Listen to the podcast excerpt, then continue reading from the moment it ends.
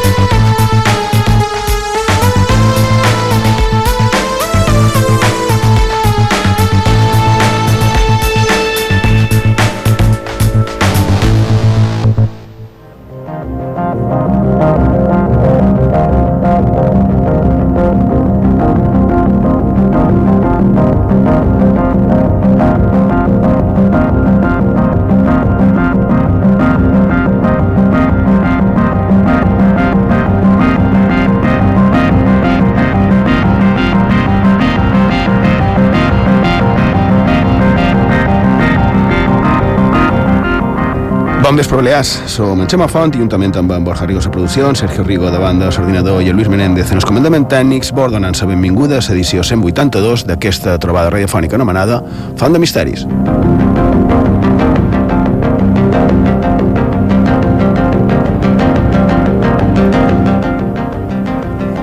Dissabte passat sol succeir-nos, eh? però no ens va donar temps a dir-ho, així que avui han de fer referència. Jo, la veritat, personalment, és que no estic massa d'acord, però estat més per, per la majoria, que s'han complit 70 anys del començament del que s'anomenaria l'era moderna dels albiraments OVNI, els anomenats avistamientos eh, OVNI, en, en castellà, perquè dia 24 de, de juny de l'any 47, a Washington, en els Estats Units, un senyor, en Kenneth Arnold, pilotava una, una avioneta civil, ell, ell era persona civil, no era un militar, i va veure nou aparells que semblaven eh, plats llançats cap a l'aigua, que anaven eh, com una mena de formació, i va ser un albirament del que no va poder determinar de què es tractava.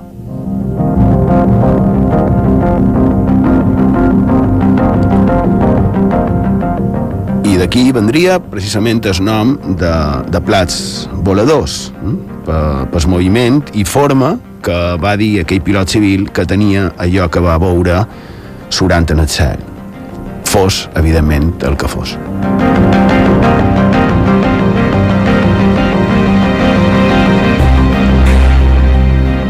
Fos el que fos, el cas és que des d'aquell moment es varen multiplicar de manera increïble aquests suposats eh, albiraments d'allò que molts creien i creuen que, que eren i per tant que són naus d'origen extraterrestre. Era l'any 1947, dos anys després de la finalització de la Segona Guerra Mundial, època d'aquella escalada nuclear, començament també de la carrera de, de l'espai. Interessant, no ho trobeu?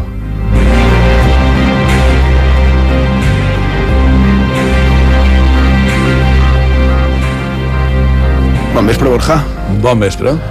En el final, dins la secció de Mons, no mos va donar temps a, a comentar-ho. És cert, i estic d'acord amb tu en allò que és una data que sí, que està marcada en el calendari del misteri, fa 70 anys d'aquesta aquest, primera trobada, però clar, poc abans, eh, dins temps modern, dins la pròpia Segona Guerra Mundial, ja va haver avistaments similars de pilots de combat. No eren plats com a tal, eren luminàries, el que coneixen com Foo Fighters, i evidentment, dècades enrere, i segles i mil·lennis enrere, també hi ha documentació damunt d'aquest tema. Per tant, sí que seria això, l'inici de sèrie moderna, de sèrie contemporània de, dels ovnis, i a més, un parell de mesos després, va tenir lloc el famós, famosíssim cas Roswell, que seria un altre punt d'inflexió que no se pot oblidar. Exacte, que, que si era, que si deixava de ser, que va haver un possible... A veure, conta tu. Sí. Simplement dit damunt aquest cas, ho hem comentat moltes vegades, d'aquell suposat accident a Nou Mèxic, de, a, a Roswell, d'un plat volador, precisament, en forma de plat, una nau en forma de plat, de la qual suposadament l'exèrcit americà hauria recuperat peces i hauria recuperat cossos, o manco tres. I després vendria tot el tema de les autòpsies, suposades autòpsies, les falsificacions... Suposadíssimes autòpsies. El manco és el famós vídeo que va circular per la xarxa en els principis d'internet.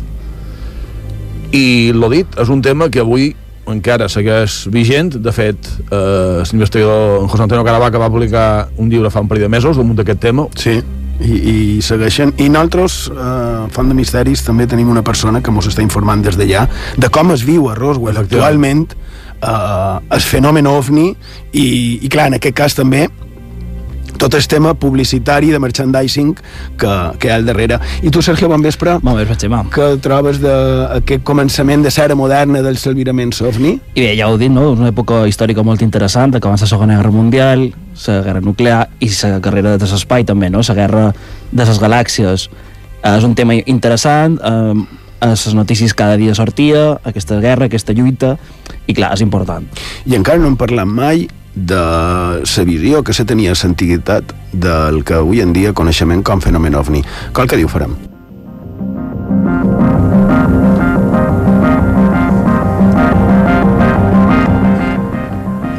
I anem per feina. Sergio, podries fer sumari i donar les formes de contacte i començaríem? I durant aquesta nit, a Font de Misteris, la corrupció i els crims a l'antiguitat són els protagonistes. Parlarem del proper curs d'estiu de Sonet a les nostres illes, dirigit per Raúl González Salinero i amb la participació de la doctora Ana Vázquez Ois, entre altres.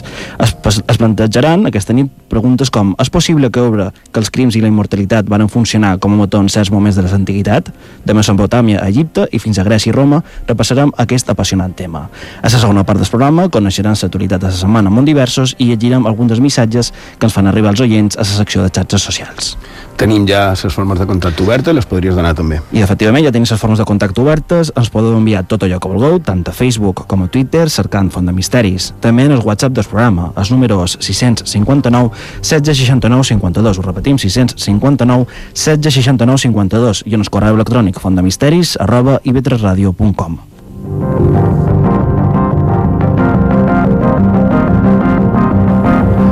També ens podeu seguir a Instagram cercant Font de Misteris i Vetres i escoltar tots els nostres programes en el servei a la carta d'Ivetres Ràdio, a a ivox.com i a fontdemisteris.com.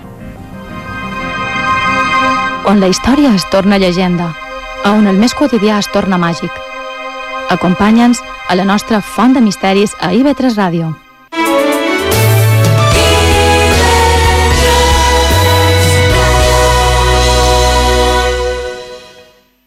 El sueño de todos por fin se hace realidad en Portaventura World. Nuevo parque Ferrari Land. Sueña, vive, siente. Entradas más hotel hasta 50% de descuento. Consulta condiciones de esta promoción y reserva ahora en el teléfono gratuito 900 842 900 o en Halcón Viajes y Viajes Ecuador. Les dones a les Illes Balears són un 49,99% de la població. A dones, la vida en perspectiva de gènere abordant temes que ens afecten a tots, homes i dones. Parlam de poder, d'urbanisme, de viatges, de la cura, de la pornografia, la violència o del masclisme. 60 minuts cada setmana per ampliar la nostra mirada. Dones, la vida en perspectiva de gènere. Dimecres, a les 6 del cap vespre, a IB3 Ràdio. IB3 Ràdio t'ofereix la millor qualitat de recepció. Sintonitza la ràdio pública de les Illes Balears. A Eivissa i Formentera, 93.7. Misteris i llegendes a Font de Misteris, amb Xema Font.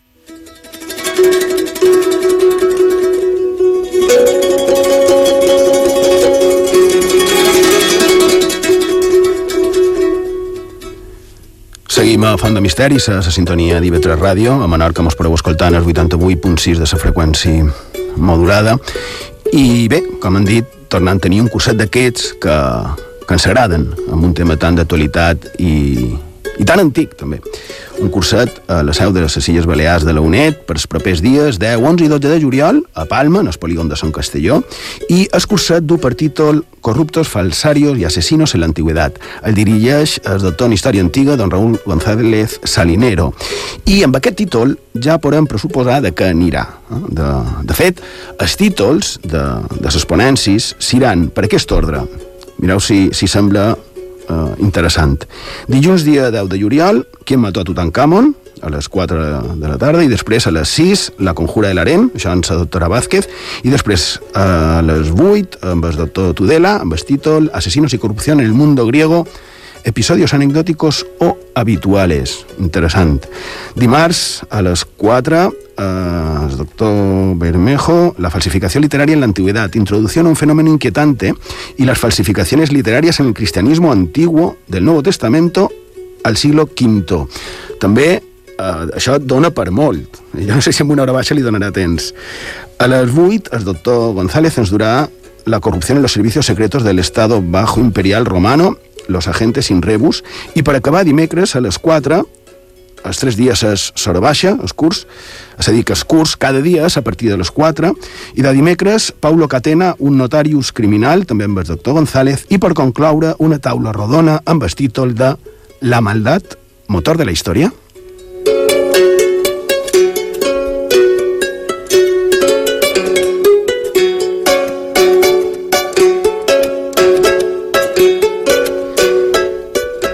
Veritat és que sonen molt bé i, i han estat fets i, i succeïts que d'una o altra manera també han contribuït a fer que siguem ara com som. No?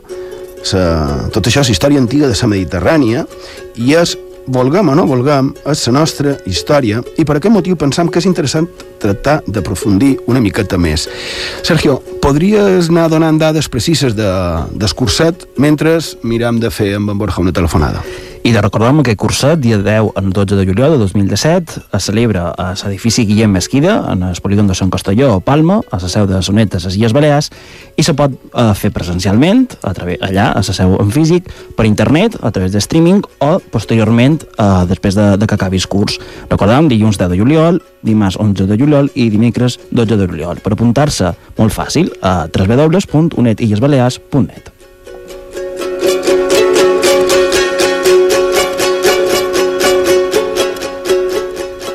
I de dit això, com sempre, pensam que el millor que podem fer és parlar amb els que saben. I per aquest motiu hem passat a conversar una mica amb el doctor González i després amb la doctora Vázquez Ois perquè ens facin un resum del que trobarem en aquest curs. Ho tenim, Borja? Ho tenim. Y da, doctor González, buen vespre, buenas noches, bienvenido a, a Fond de Misteris. Gracias por atender nuestra llamada. Hola, buenas noches. ¿Qué tal? ¿Cómo está? ¿Bien? Bien, bien. Perfecto. Bueno, usted dirige, eh, o tú, perdona, eh, diriges el curso titulado Corruptos, Falsarios y Asesinos en la Antigüedad. Es un título más que, más que sugerente, como he comentado, sin duda. Pero me quedo con una pregunta que hacen en la introducción a este curso. Dice, ¿sería legítimo preguntarse si el crimen y la inmoralidad funcionaron en determinados momentos como motores de la historia en la antigüedad? Esta es la, la pregunta que plantean. Sí, sí, es desde luego es una pregunta eh, muy ambiciosa, ¿no? Desde Porque eh, hay diferentes eh, motores eh, que han guiado la- el devenir de, de la humanidad, de la historia, ¿no? A lo largo de la historia. Pero eh, casi que, eh, digamos, el, el aspecto inmoral o de la inmoralidad o del crimen eh, se ha dejado en muchas ocasiones al margen, ¿no? De alguna forma eh, es un aspecto marginado en, en los grandes manuales de historia. Entonces, nosotros nos preguntamos si en la antigüedad eh, digamos, estos comportamientos que podríamos calificar como abyectos también fueron importantes en determinadas coyunturas eh, históricas y en determinados acontecimientos. Eh, esa es la, digamos, el, meollo, la parte central de este, de este curso. Es decir, que nos encontramos ante un hecho que evidentemente se produjo y que bueno y que se sigue produciendo. Pero claro, si antes he comentado que si esto se produjo de una u otra manera ha hecho que ahora seamos como somos, históricamente hablando, claro. Bueno, en parte sí, es decir, eh, todo poder instituido de alguna forma tiene sus aspectos oscuros. Eso eh, se puede ver en todas las épocas a lo largo de la historia. Pero quizás en un mundo antiguo esos aspectos oscuros eh, adquieran bien, una relevancia pues mayor. También tiene que ver con eh, la pobreza en muchos casos de las de las eh, fuentes que tenemos, ¿no? Y, tenemos que escarbar eh, en los motivos más profundos de, algunos mm, acontecimientos. Em, pero al hacerlo, precisamente, descubrimos que no siempre los motivos son muy, podríamos decir, loables. Y ese, ya digo, es, es el, el, digamos, el tema central del, del curso. Mm, tratar de descubrir ¿eh? esa, esa parte oscura en los acontecimientos. Claro, y el curso lo tienen previsto desde la, la edad antigua hasta más o menos sí, del Egipto antiguo y llegaremos hasta la antigüedad tardía. Evidentemente no podemos tratar todos y cada uno de los aspectos que este tema eh, puede, puede tener, eh, porque, claro, eh, son tres días y las horas son reducidas, ¿no? es decir, el tiempo es reducido. Pero sí podemos al menos acercarnos a algunas, a algunas escenas históricas que pueden ser muy representativas. Claro, en su caso va a hablar de, Roma, ahora comentaremos eh, un poquito lo de Roma. Sí que me quedo también con la cosa que ha comentado ahora mismo de las fuentes. Eh, efectivamente, esto es una cosa que mm, siempre me he planteado. Eh, esos escritos que se atribuye a la antigüedad, realmente los originales no los tenemos, o muchos de ellos, ¿no? Sí, claro. Eh, bueno, hay documentos que sí son que proceden directamente del mundo antiguo, como son las inscripciones, las monedas del mundo de la numismática, etcétera. Evidentemente, el resto de, de, fuentes han llegado a nosotros a través de diferentes filtros. Y en, buena medida em, las intervenciones, las dos intervenciones del, del doctor Bermejo va a tratar sobre esto también, es decir, cómo esas fuentes escritas que han llegado hasta nosotros pueden ser fácilmente manipulables. Y ahí las falsificaciones literarias de las que nos hablará el, el doctor Bermejo Rubio. Es decir, que esas fuentes también tienen una carga subjetiva y están sujetas a interpolaciones, a, ya digo, a, a malformaciones o manipulaciones. Claro. Entonces, el historiador tiene que, que descubrir, digamos, esto, ¿no? Para hacer que esas fuentes, dentro de lo posible, sean eh, verídicas, que podamos utilizarlas con ciertas garantías. Claro, porque aparte de las falsificaciones, que entenderíamos que una falsificación sería actuando de mala fe, también estarían las reinterpretaciones, ¿no? O, traducciones erróneas y... Sin duda, sin duda alguna, claro, claro, claro. Y similares. la, verdad, la verdad es que es, es fascinante. Luego también el doctor Tudela hablará de, de Grecia, que también me parece mm, fascinante porque he visto la, por encima la presentación que, va a hacer hablando de, corrupción política y asesinatos en el mundo griego, ¿no? Que todos los tenemos a los griegos como si fuesen tan civilizados, etcétera. Sí, pensadores, ¿no? El origen de la filosofía occidental, moderna, en fin. Eh, evidentemente, sí, como una sociedad eh, antigua que era, eh, bueno, pues participa de las mismas eh, comportamientos, mismas características que otras sociedades antiguas. Y claro que existía corrupción. Y claro que en el mundo de la política, pero también en el mundo privado, y también eh, existían complots y existían pues asesinatos. Claro que sí, claro que sí. y bueno, asesinatos de de poder, como no, en Roma, que es lo que, lo que tú vas a tratar. Eh, me sorprende uno de los títulos de, de, una de sus ponencias, La corrupción en los servicios secretos del Estado bajo imperial romano. Los agentes sin rebus. Así, a grosso, ¿podría decirnos un poquito de qué, de qué va a hablar? Pues sí.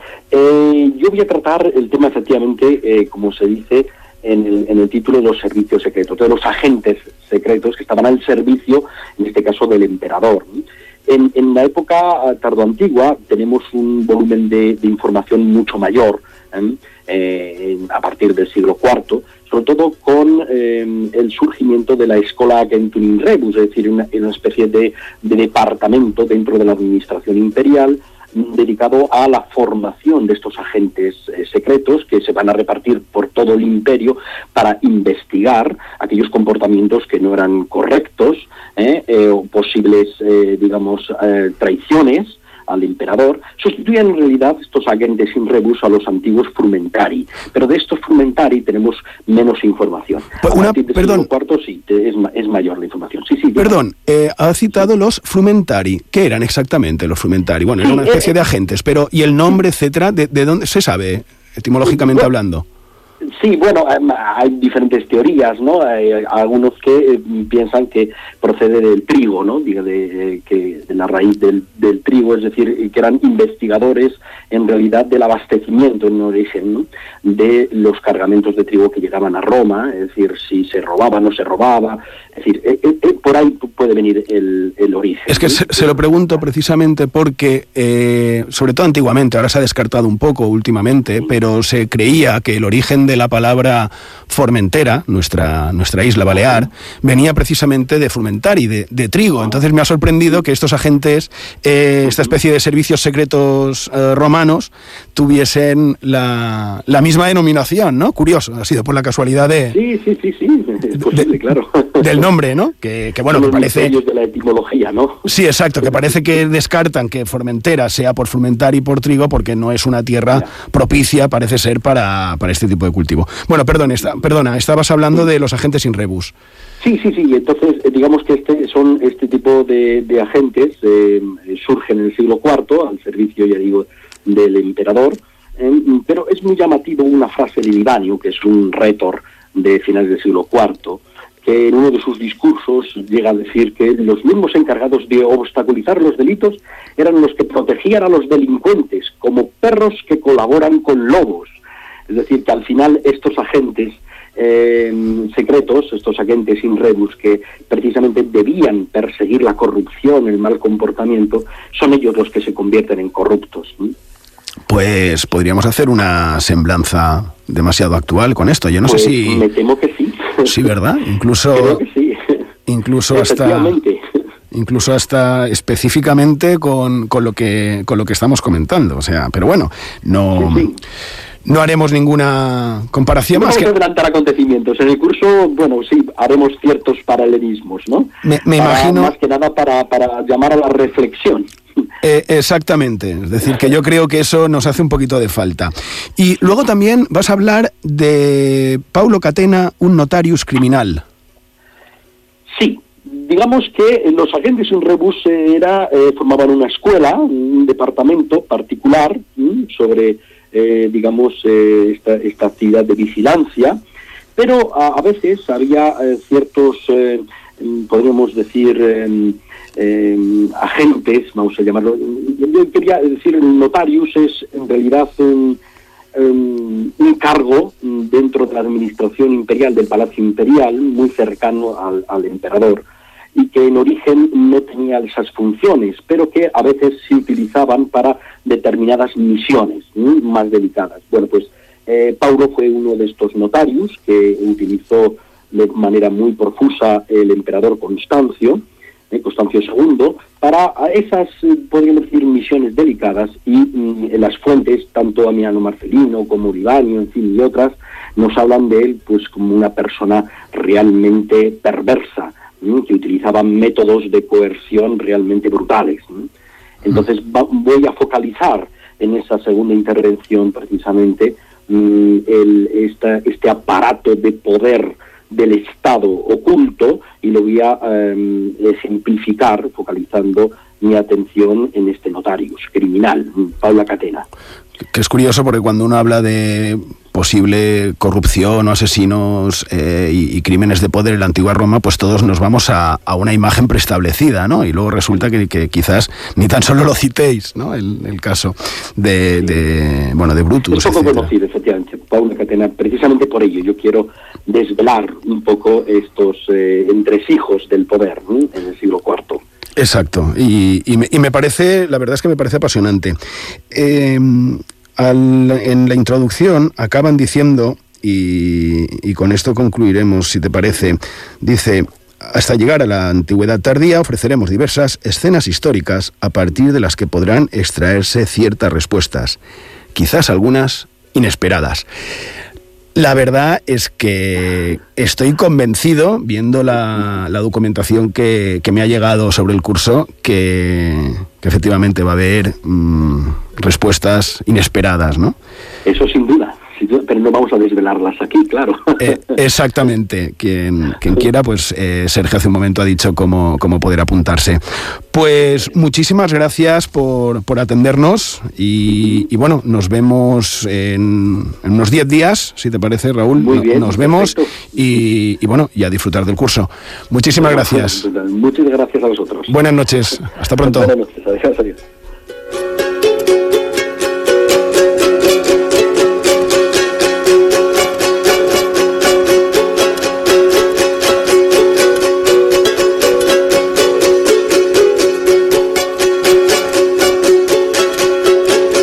Misteris i llegendes a Font de Misteris, amb Xema Font.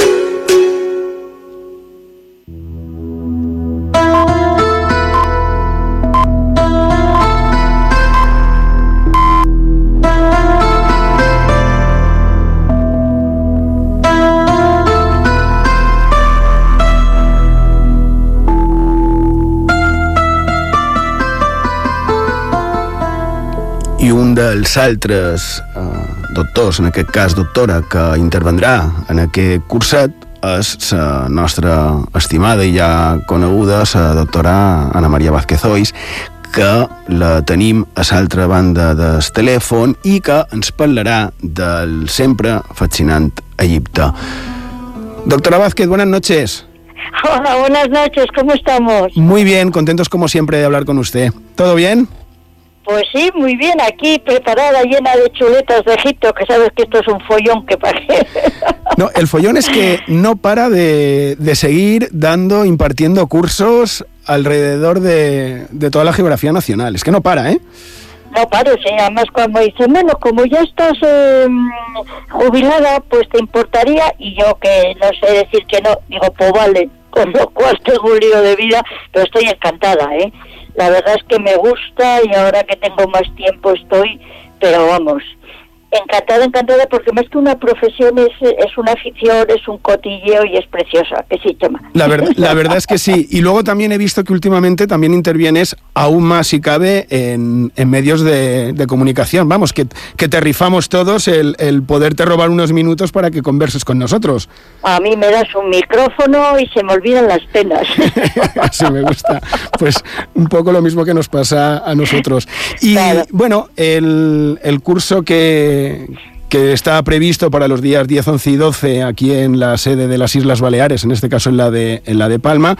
Bueno, pues en tu caso, en su caso, va a dar dos, dos charlas, quién mató a Tutankamón y la conjura del harén. Y, y, la pregunta es la misma que usted ya plantea. ¿Quién mató a Tutankamón? Pero no decían que Tutankamón había muerto. Dijeron hace cuatro años que Tutankamón había muerto porque le había, le había atropellado un carro. Esto es lo que dijeron hace no mucho. Pues sabes qué pasa, que como en el antiguo Egipto mmm, lo que hay son teorías, porque yo creo que la verdad que Tutankamón es el único faraón egipcio que han encontrado con el carnet de identidad, que significa que estaba completo, entero, no estaba la tumba violada y además estaba sin desenvolver y estaba hasta su nombre. Todo lo demás son conjeturas. El problema es que cuando Carter descubrió la tumba, que casi ya va a ser, dentro de poco va a ser un siglo, pues eh, estaba, es muy pequeñita, yo no sé si los oyentes la conocerán, pero vamos, es, no cabe casi nada, está llena de cerca de 20.000 objetos, es una barbaridad.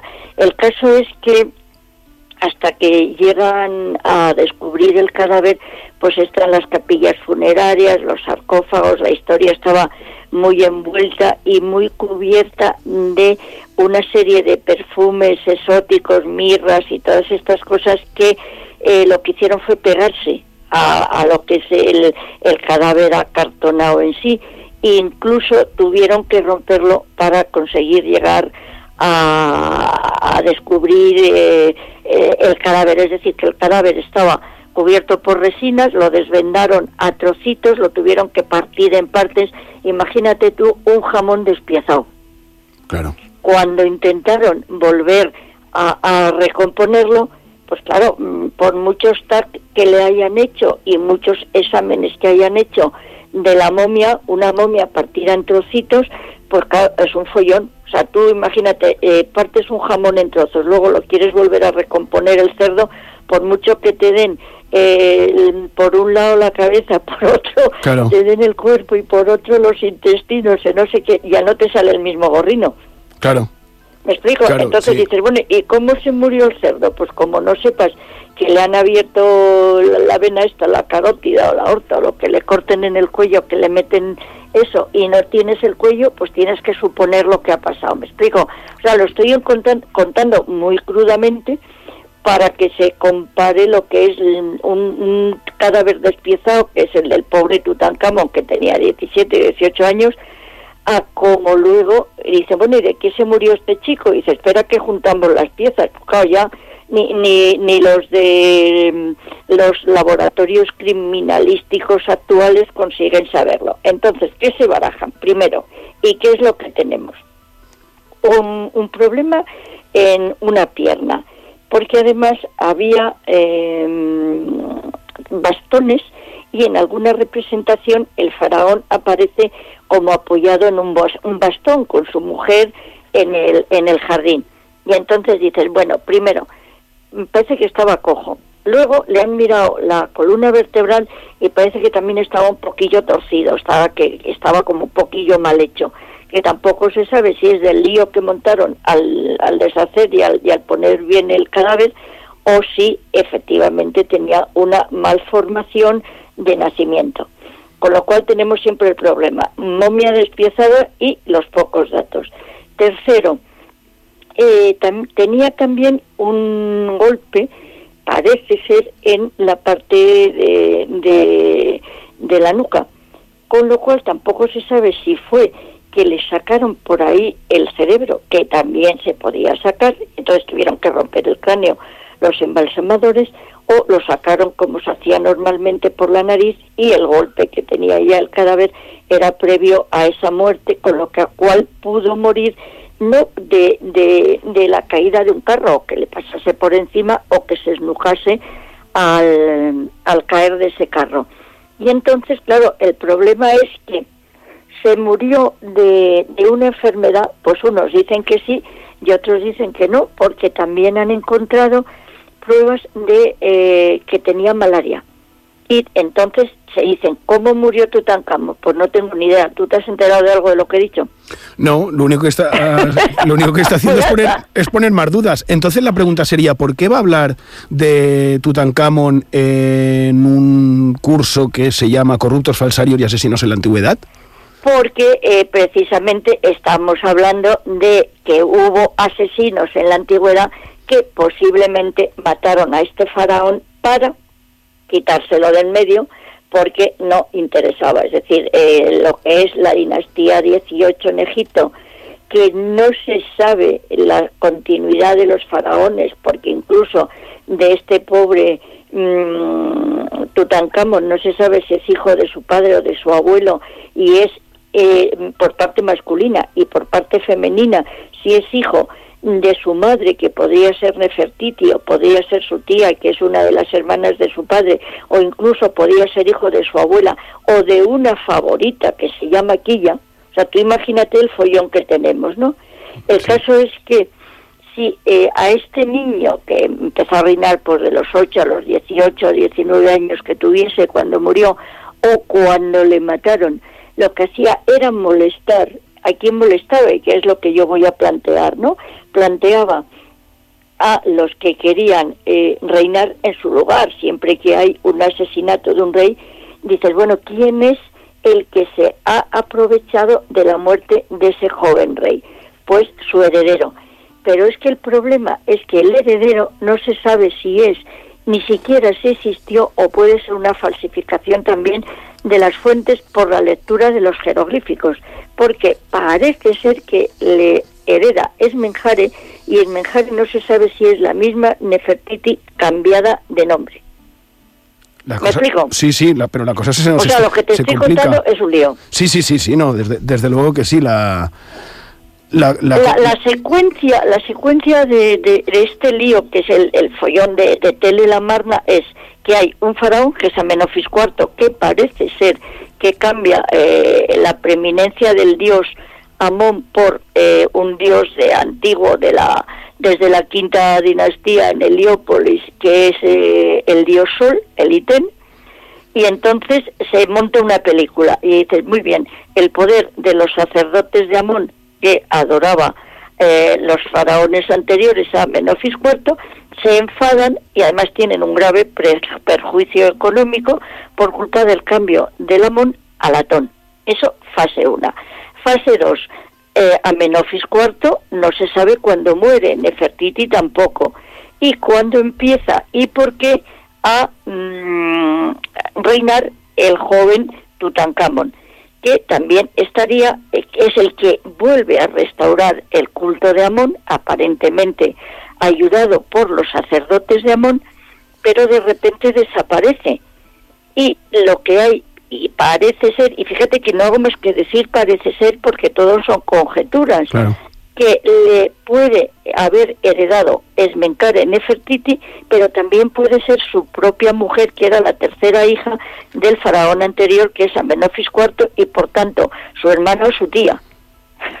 ¿Me, explico? Yo me, estoy, eh, me está dando la risa porque dices, te tienes que estar con los ojos acuados. La verdad es que ¿cómo sí. Estarán? La verdad es que ¿Cómo estarán nuestros oyentes, Chema? Es que esto es un lío tremendo. Con lo cual, hay que decir que le matan o se muere.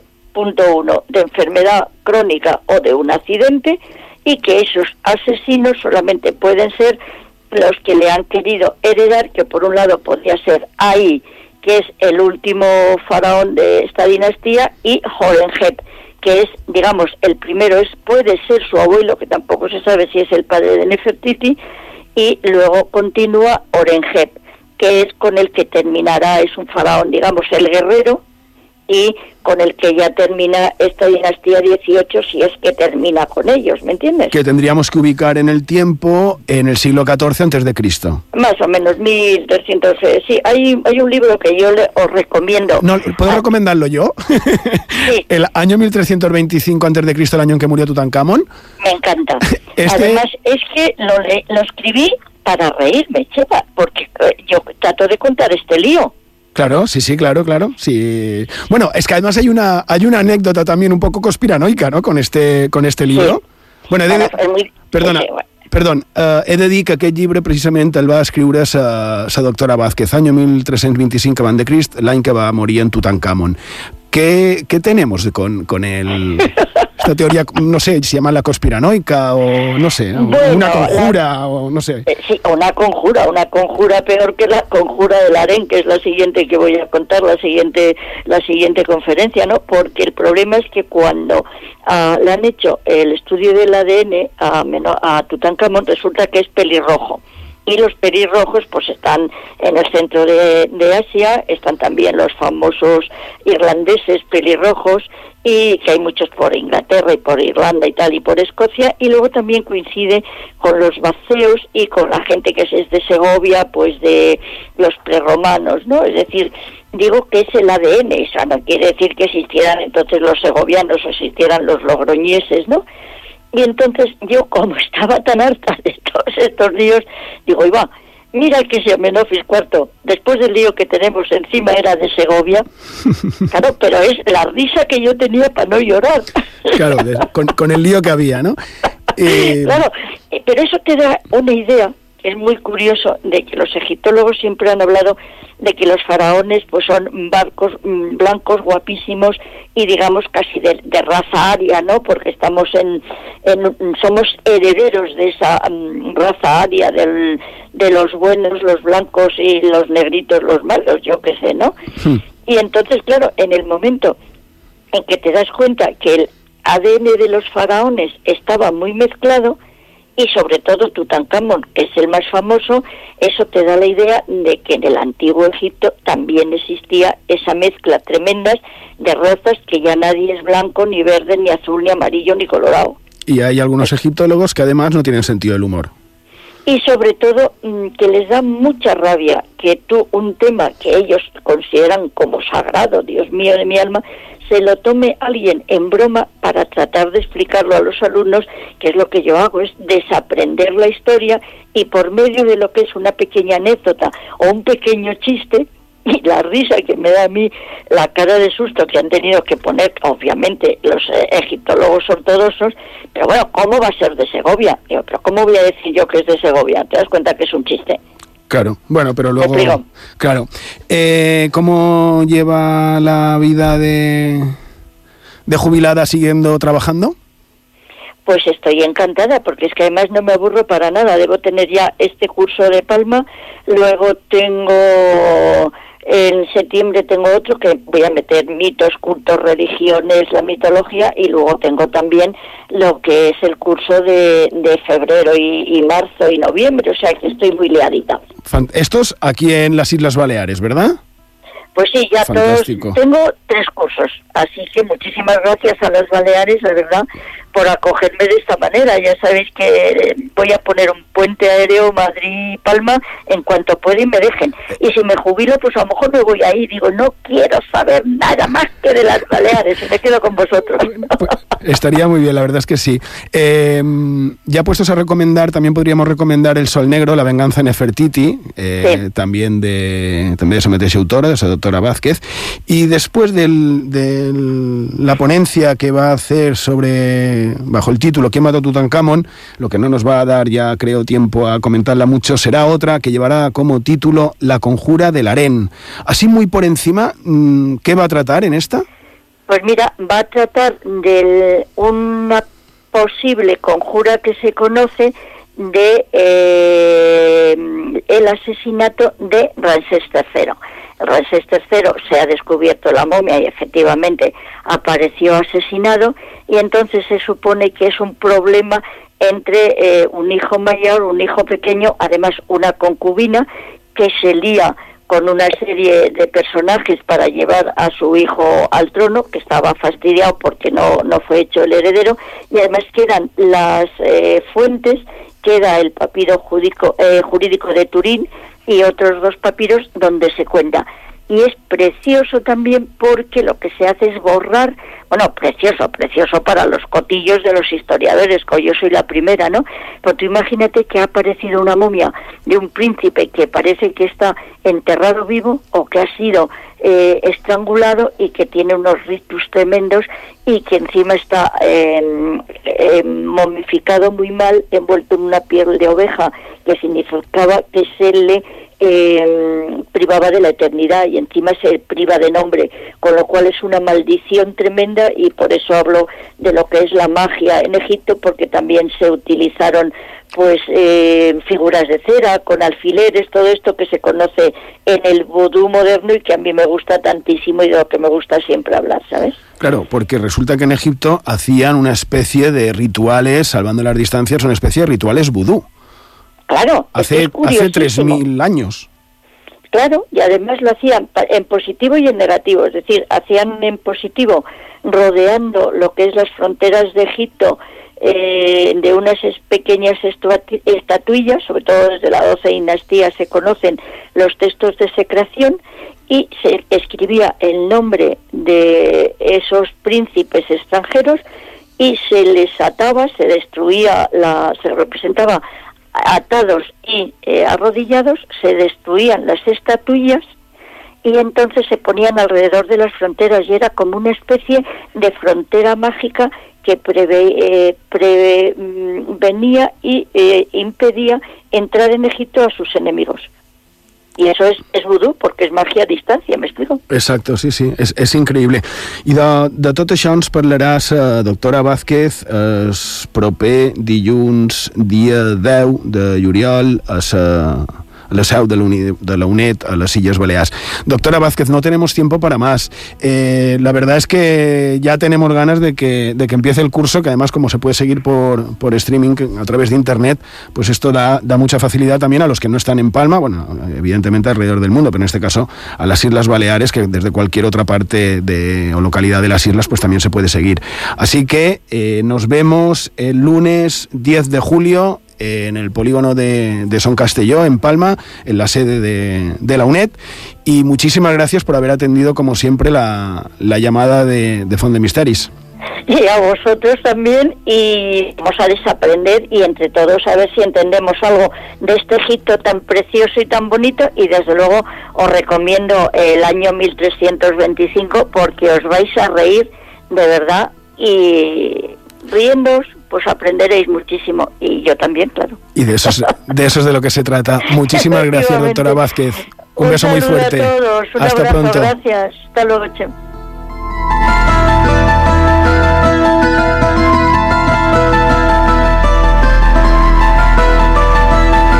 Misteris i llegendes a Font de Misteris, amb Xema Font.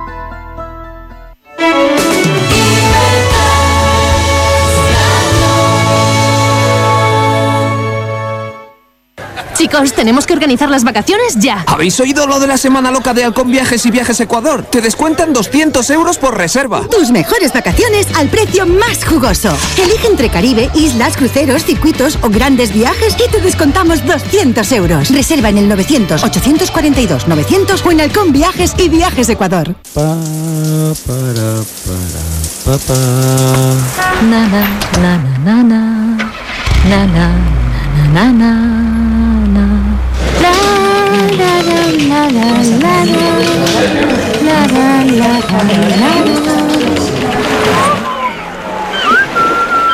La gran vida amb Cristina Bugallo i Laura López. Dissabte i diumenge a les 11 del vespre a IB3 Ràdio.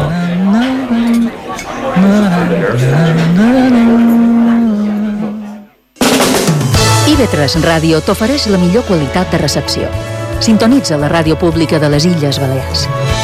Alcúdia, 89.2. A IB3 Ràdio, Font de Misteris, amb Xema Font.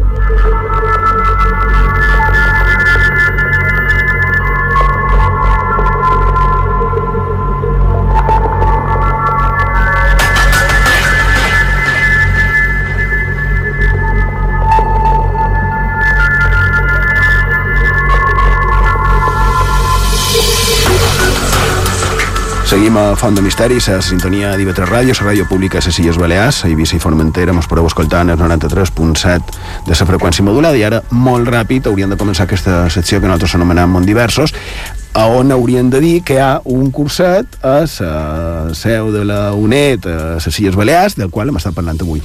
Fa ganes anaria, no, Borja? Com sempre, són unes propostes francament interessants.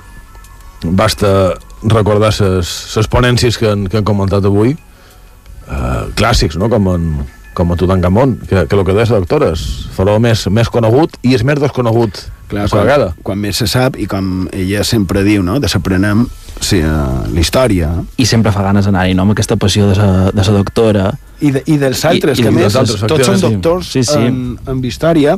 No han pogut parlar amb els, amb els altres intervinents per manca de temps, és, és lògic, però eh, pensam que, que valia la pena per aprofundir un poquet i per veure que aquest fenomen eh, eh, no ve de... no és tan actual. Hauríem de posar-nos el dia en les notícies, eh, fets succeïts i semblants que hem trobat a les notícies, però tenim poca cosa. Comença. Bé, idò començarem aquest repàs xerrant de campanes perquè han estat actualitats a les nostres illes aquests dies. En el diari Última Hora ho llegíem així. Revuelo por el repique de campanas en Algaida. El pasado lunes, un grupo de vecinos de Algaida e incluso la policía local del pueblo se asustaron. No sabían qué pasaba. Las campanas de la parroquia de San Pere y San Pau sonaban de manera muy fuerte y con un toque de alarma. A fuego, señalaban algunos vecinos. Eh, Sant Pere i Sant Pau, que va ser justament abans d'ahir, i això és el mateix que va succeir quan es va proclamar la, la república a, a Cort, crec que ho vàrem dir quan vàrem estar parlant de campanes, és que s'ha de trobar una, una notícia damunt de campanes. El motiu no era per foc, el motiu era un toc festiu. I en aquest cas era per reconeixement de, cap a l'anomenament d'un sacerdot, Antonio Badell, de Mallorca, que és el nou bisbe auxiliar de Barcelona. I per aquest motiu eh, se va fer sonar eh, aquestes campanes. No? És curiós que encara a dia d'avui i encara hi hagi gent que recordi que les campanes sonaven eh, donant missatges, parlant, es- aquest llenguatge i aquesta comunicació que es feia mitjans campanes. Un altre senyal perquè dediquem un altre programa en el tema fascinant i misteriós de, de les campanes. I de, així ho farem, i si me permeteu la gràcia, campana i s'acabó.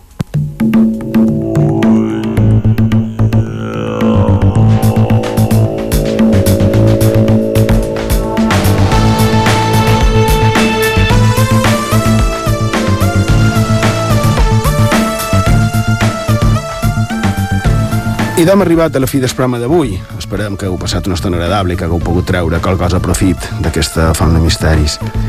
I avui, en aquests acomiadaments més o manco utòpics, sens dubte, recurs fàcil hagués estat parlar eh, de, de la corrupció política a, a l'actualitat. Des de fa massa temps, cada dia surten a, a les notícies d'aquest país.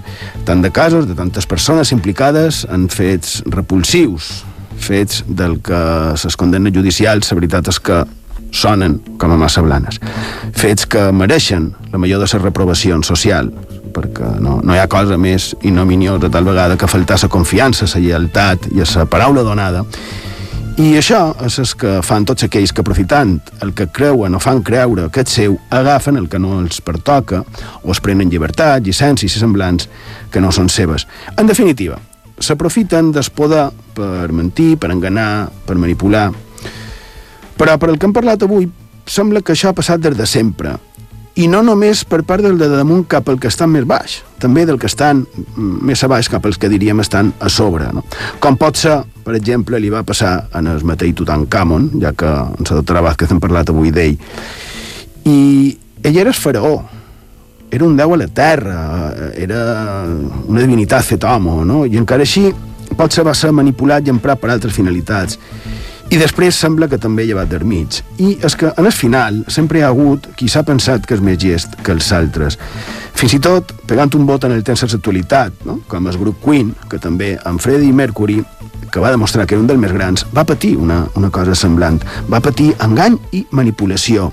Un intent de prendre's-li el que tenien per, bé, el seu mànager va tractar de, de llevar-lis. I com utopia de gairebé la mitjanit del dissabte i Betres Ràdio, ja que no, no està permès això de banyar els culpables amb brea i omplir-los en, en plomes, estaria bé que tots féssim com els de Queen i els hi dediquéssim en aquests managers que traten de ser tan gestos i de desplomar en els altres, es dediquen, diguem-ne, cançons que el facin passar a la posteritat com el que realment són, que siguin recordats per això. Diu el gran Freddie Mercury, referit precisament en el seu manager, xucles la meva sang com una sangonera, prediques la llei però l'infringeixes, te n'has duit tots els meus dobbers i encara en vol més. I després continua amb una certa d'adjectius cap al que ell anomena mort que camina i que no té cor. Del Grans Queen, Death on two legs, mort damunt ses dues cames. Hagi pau, bona nit, gràcies per la vostra companyia i fins la setmana que ve.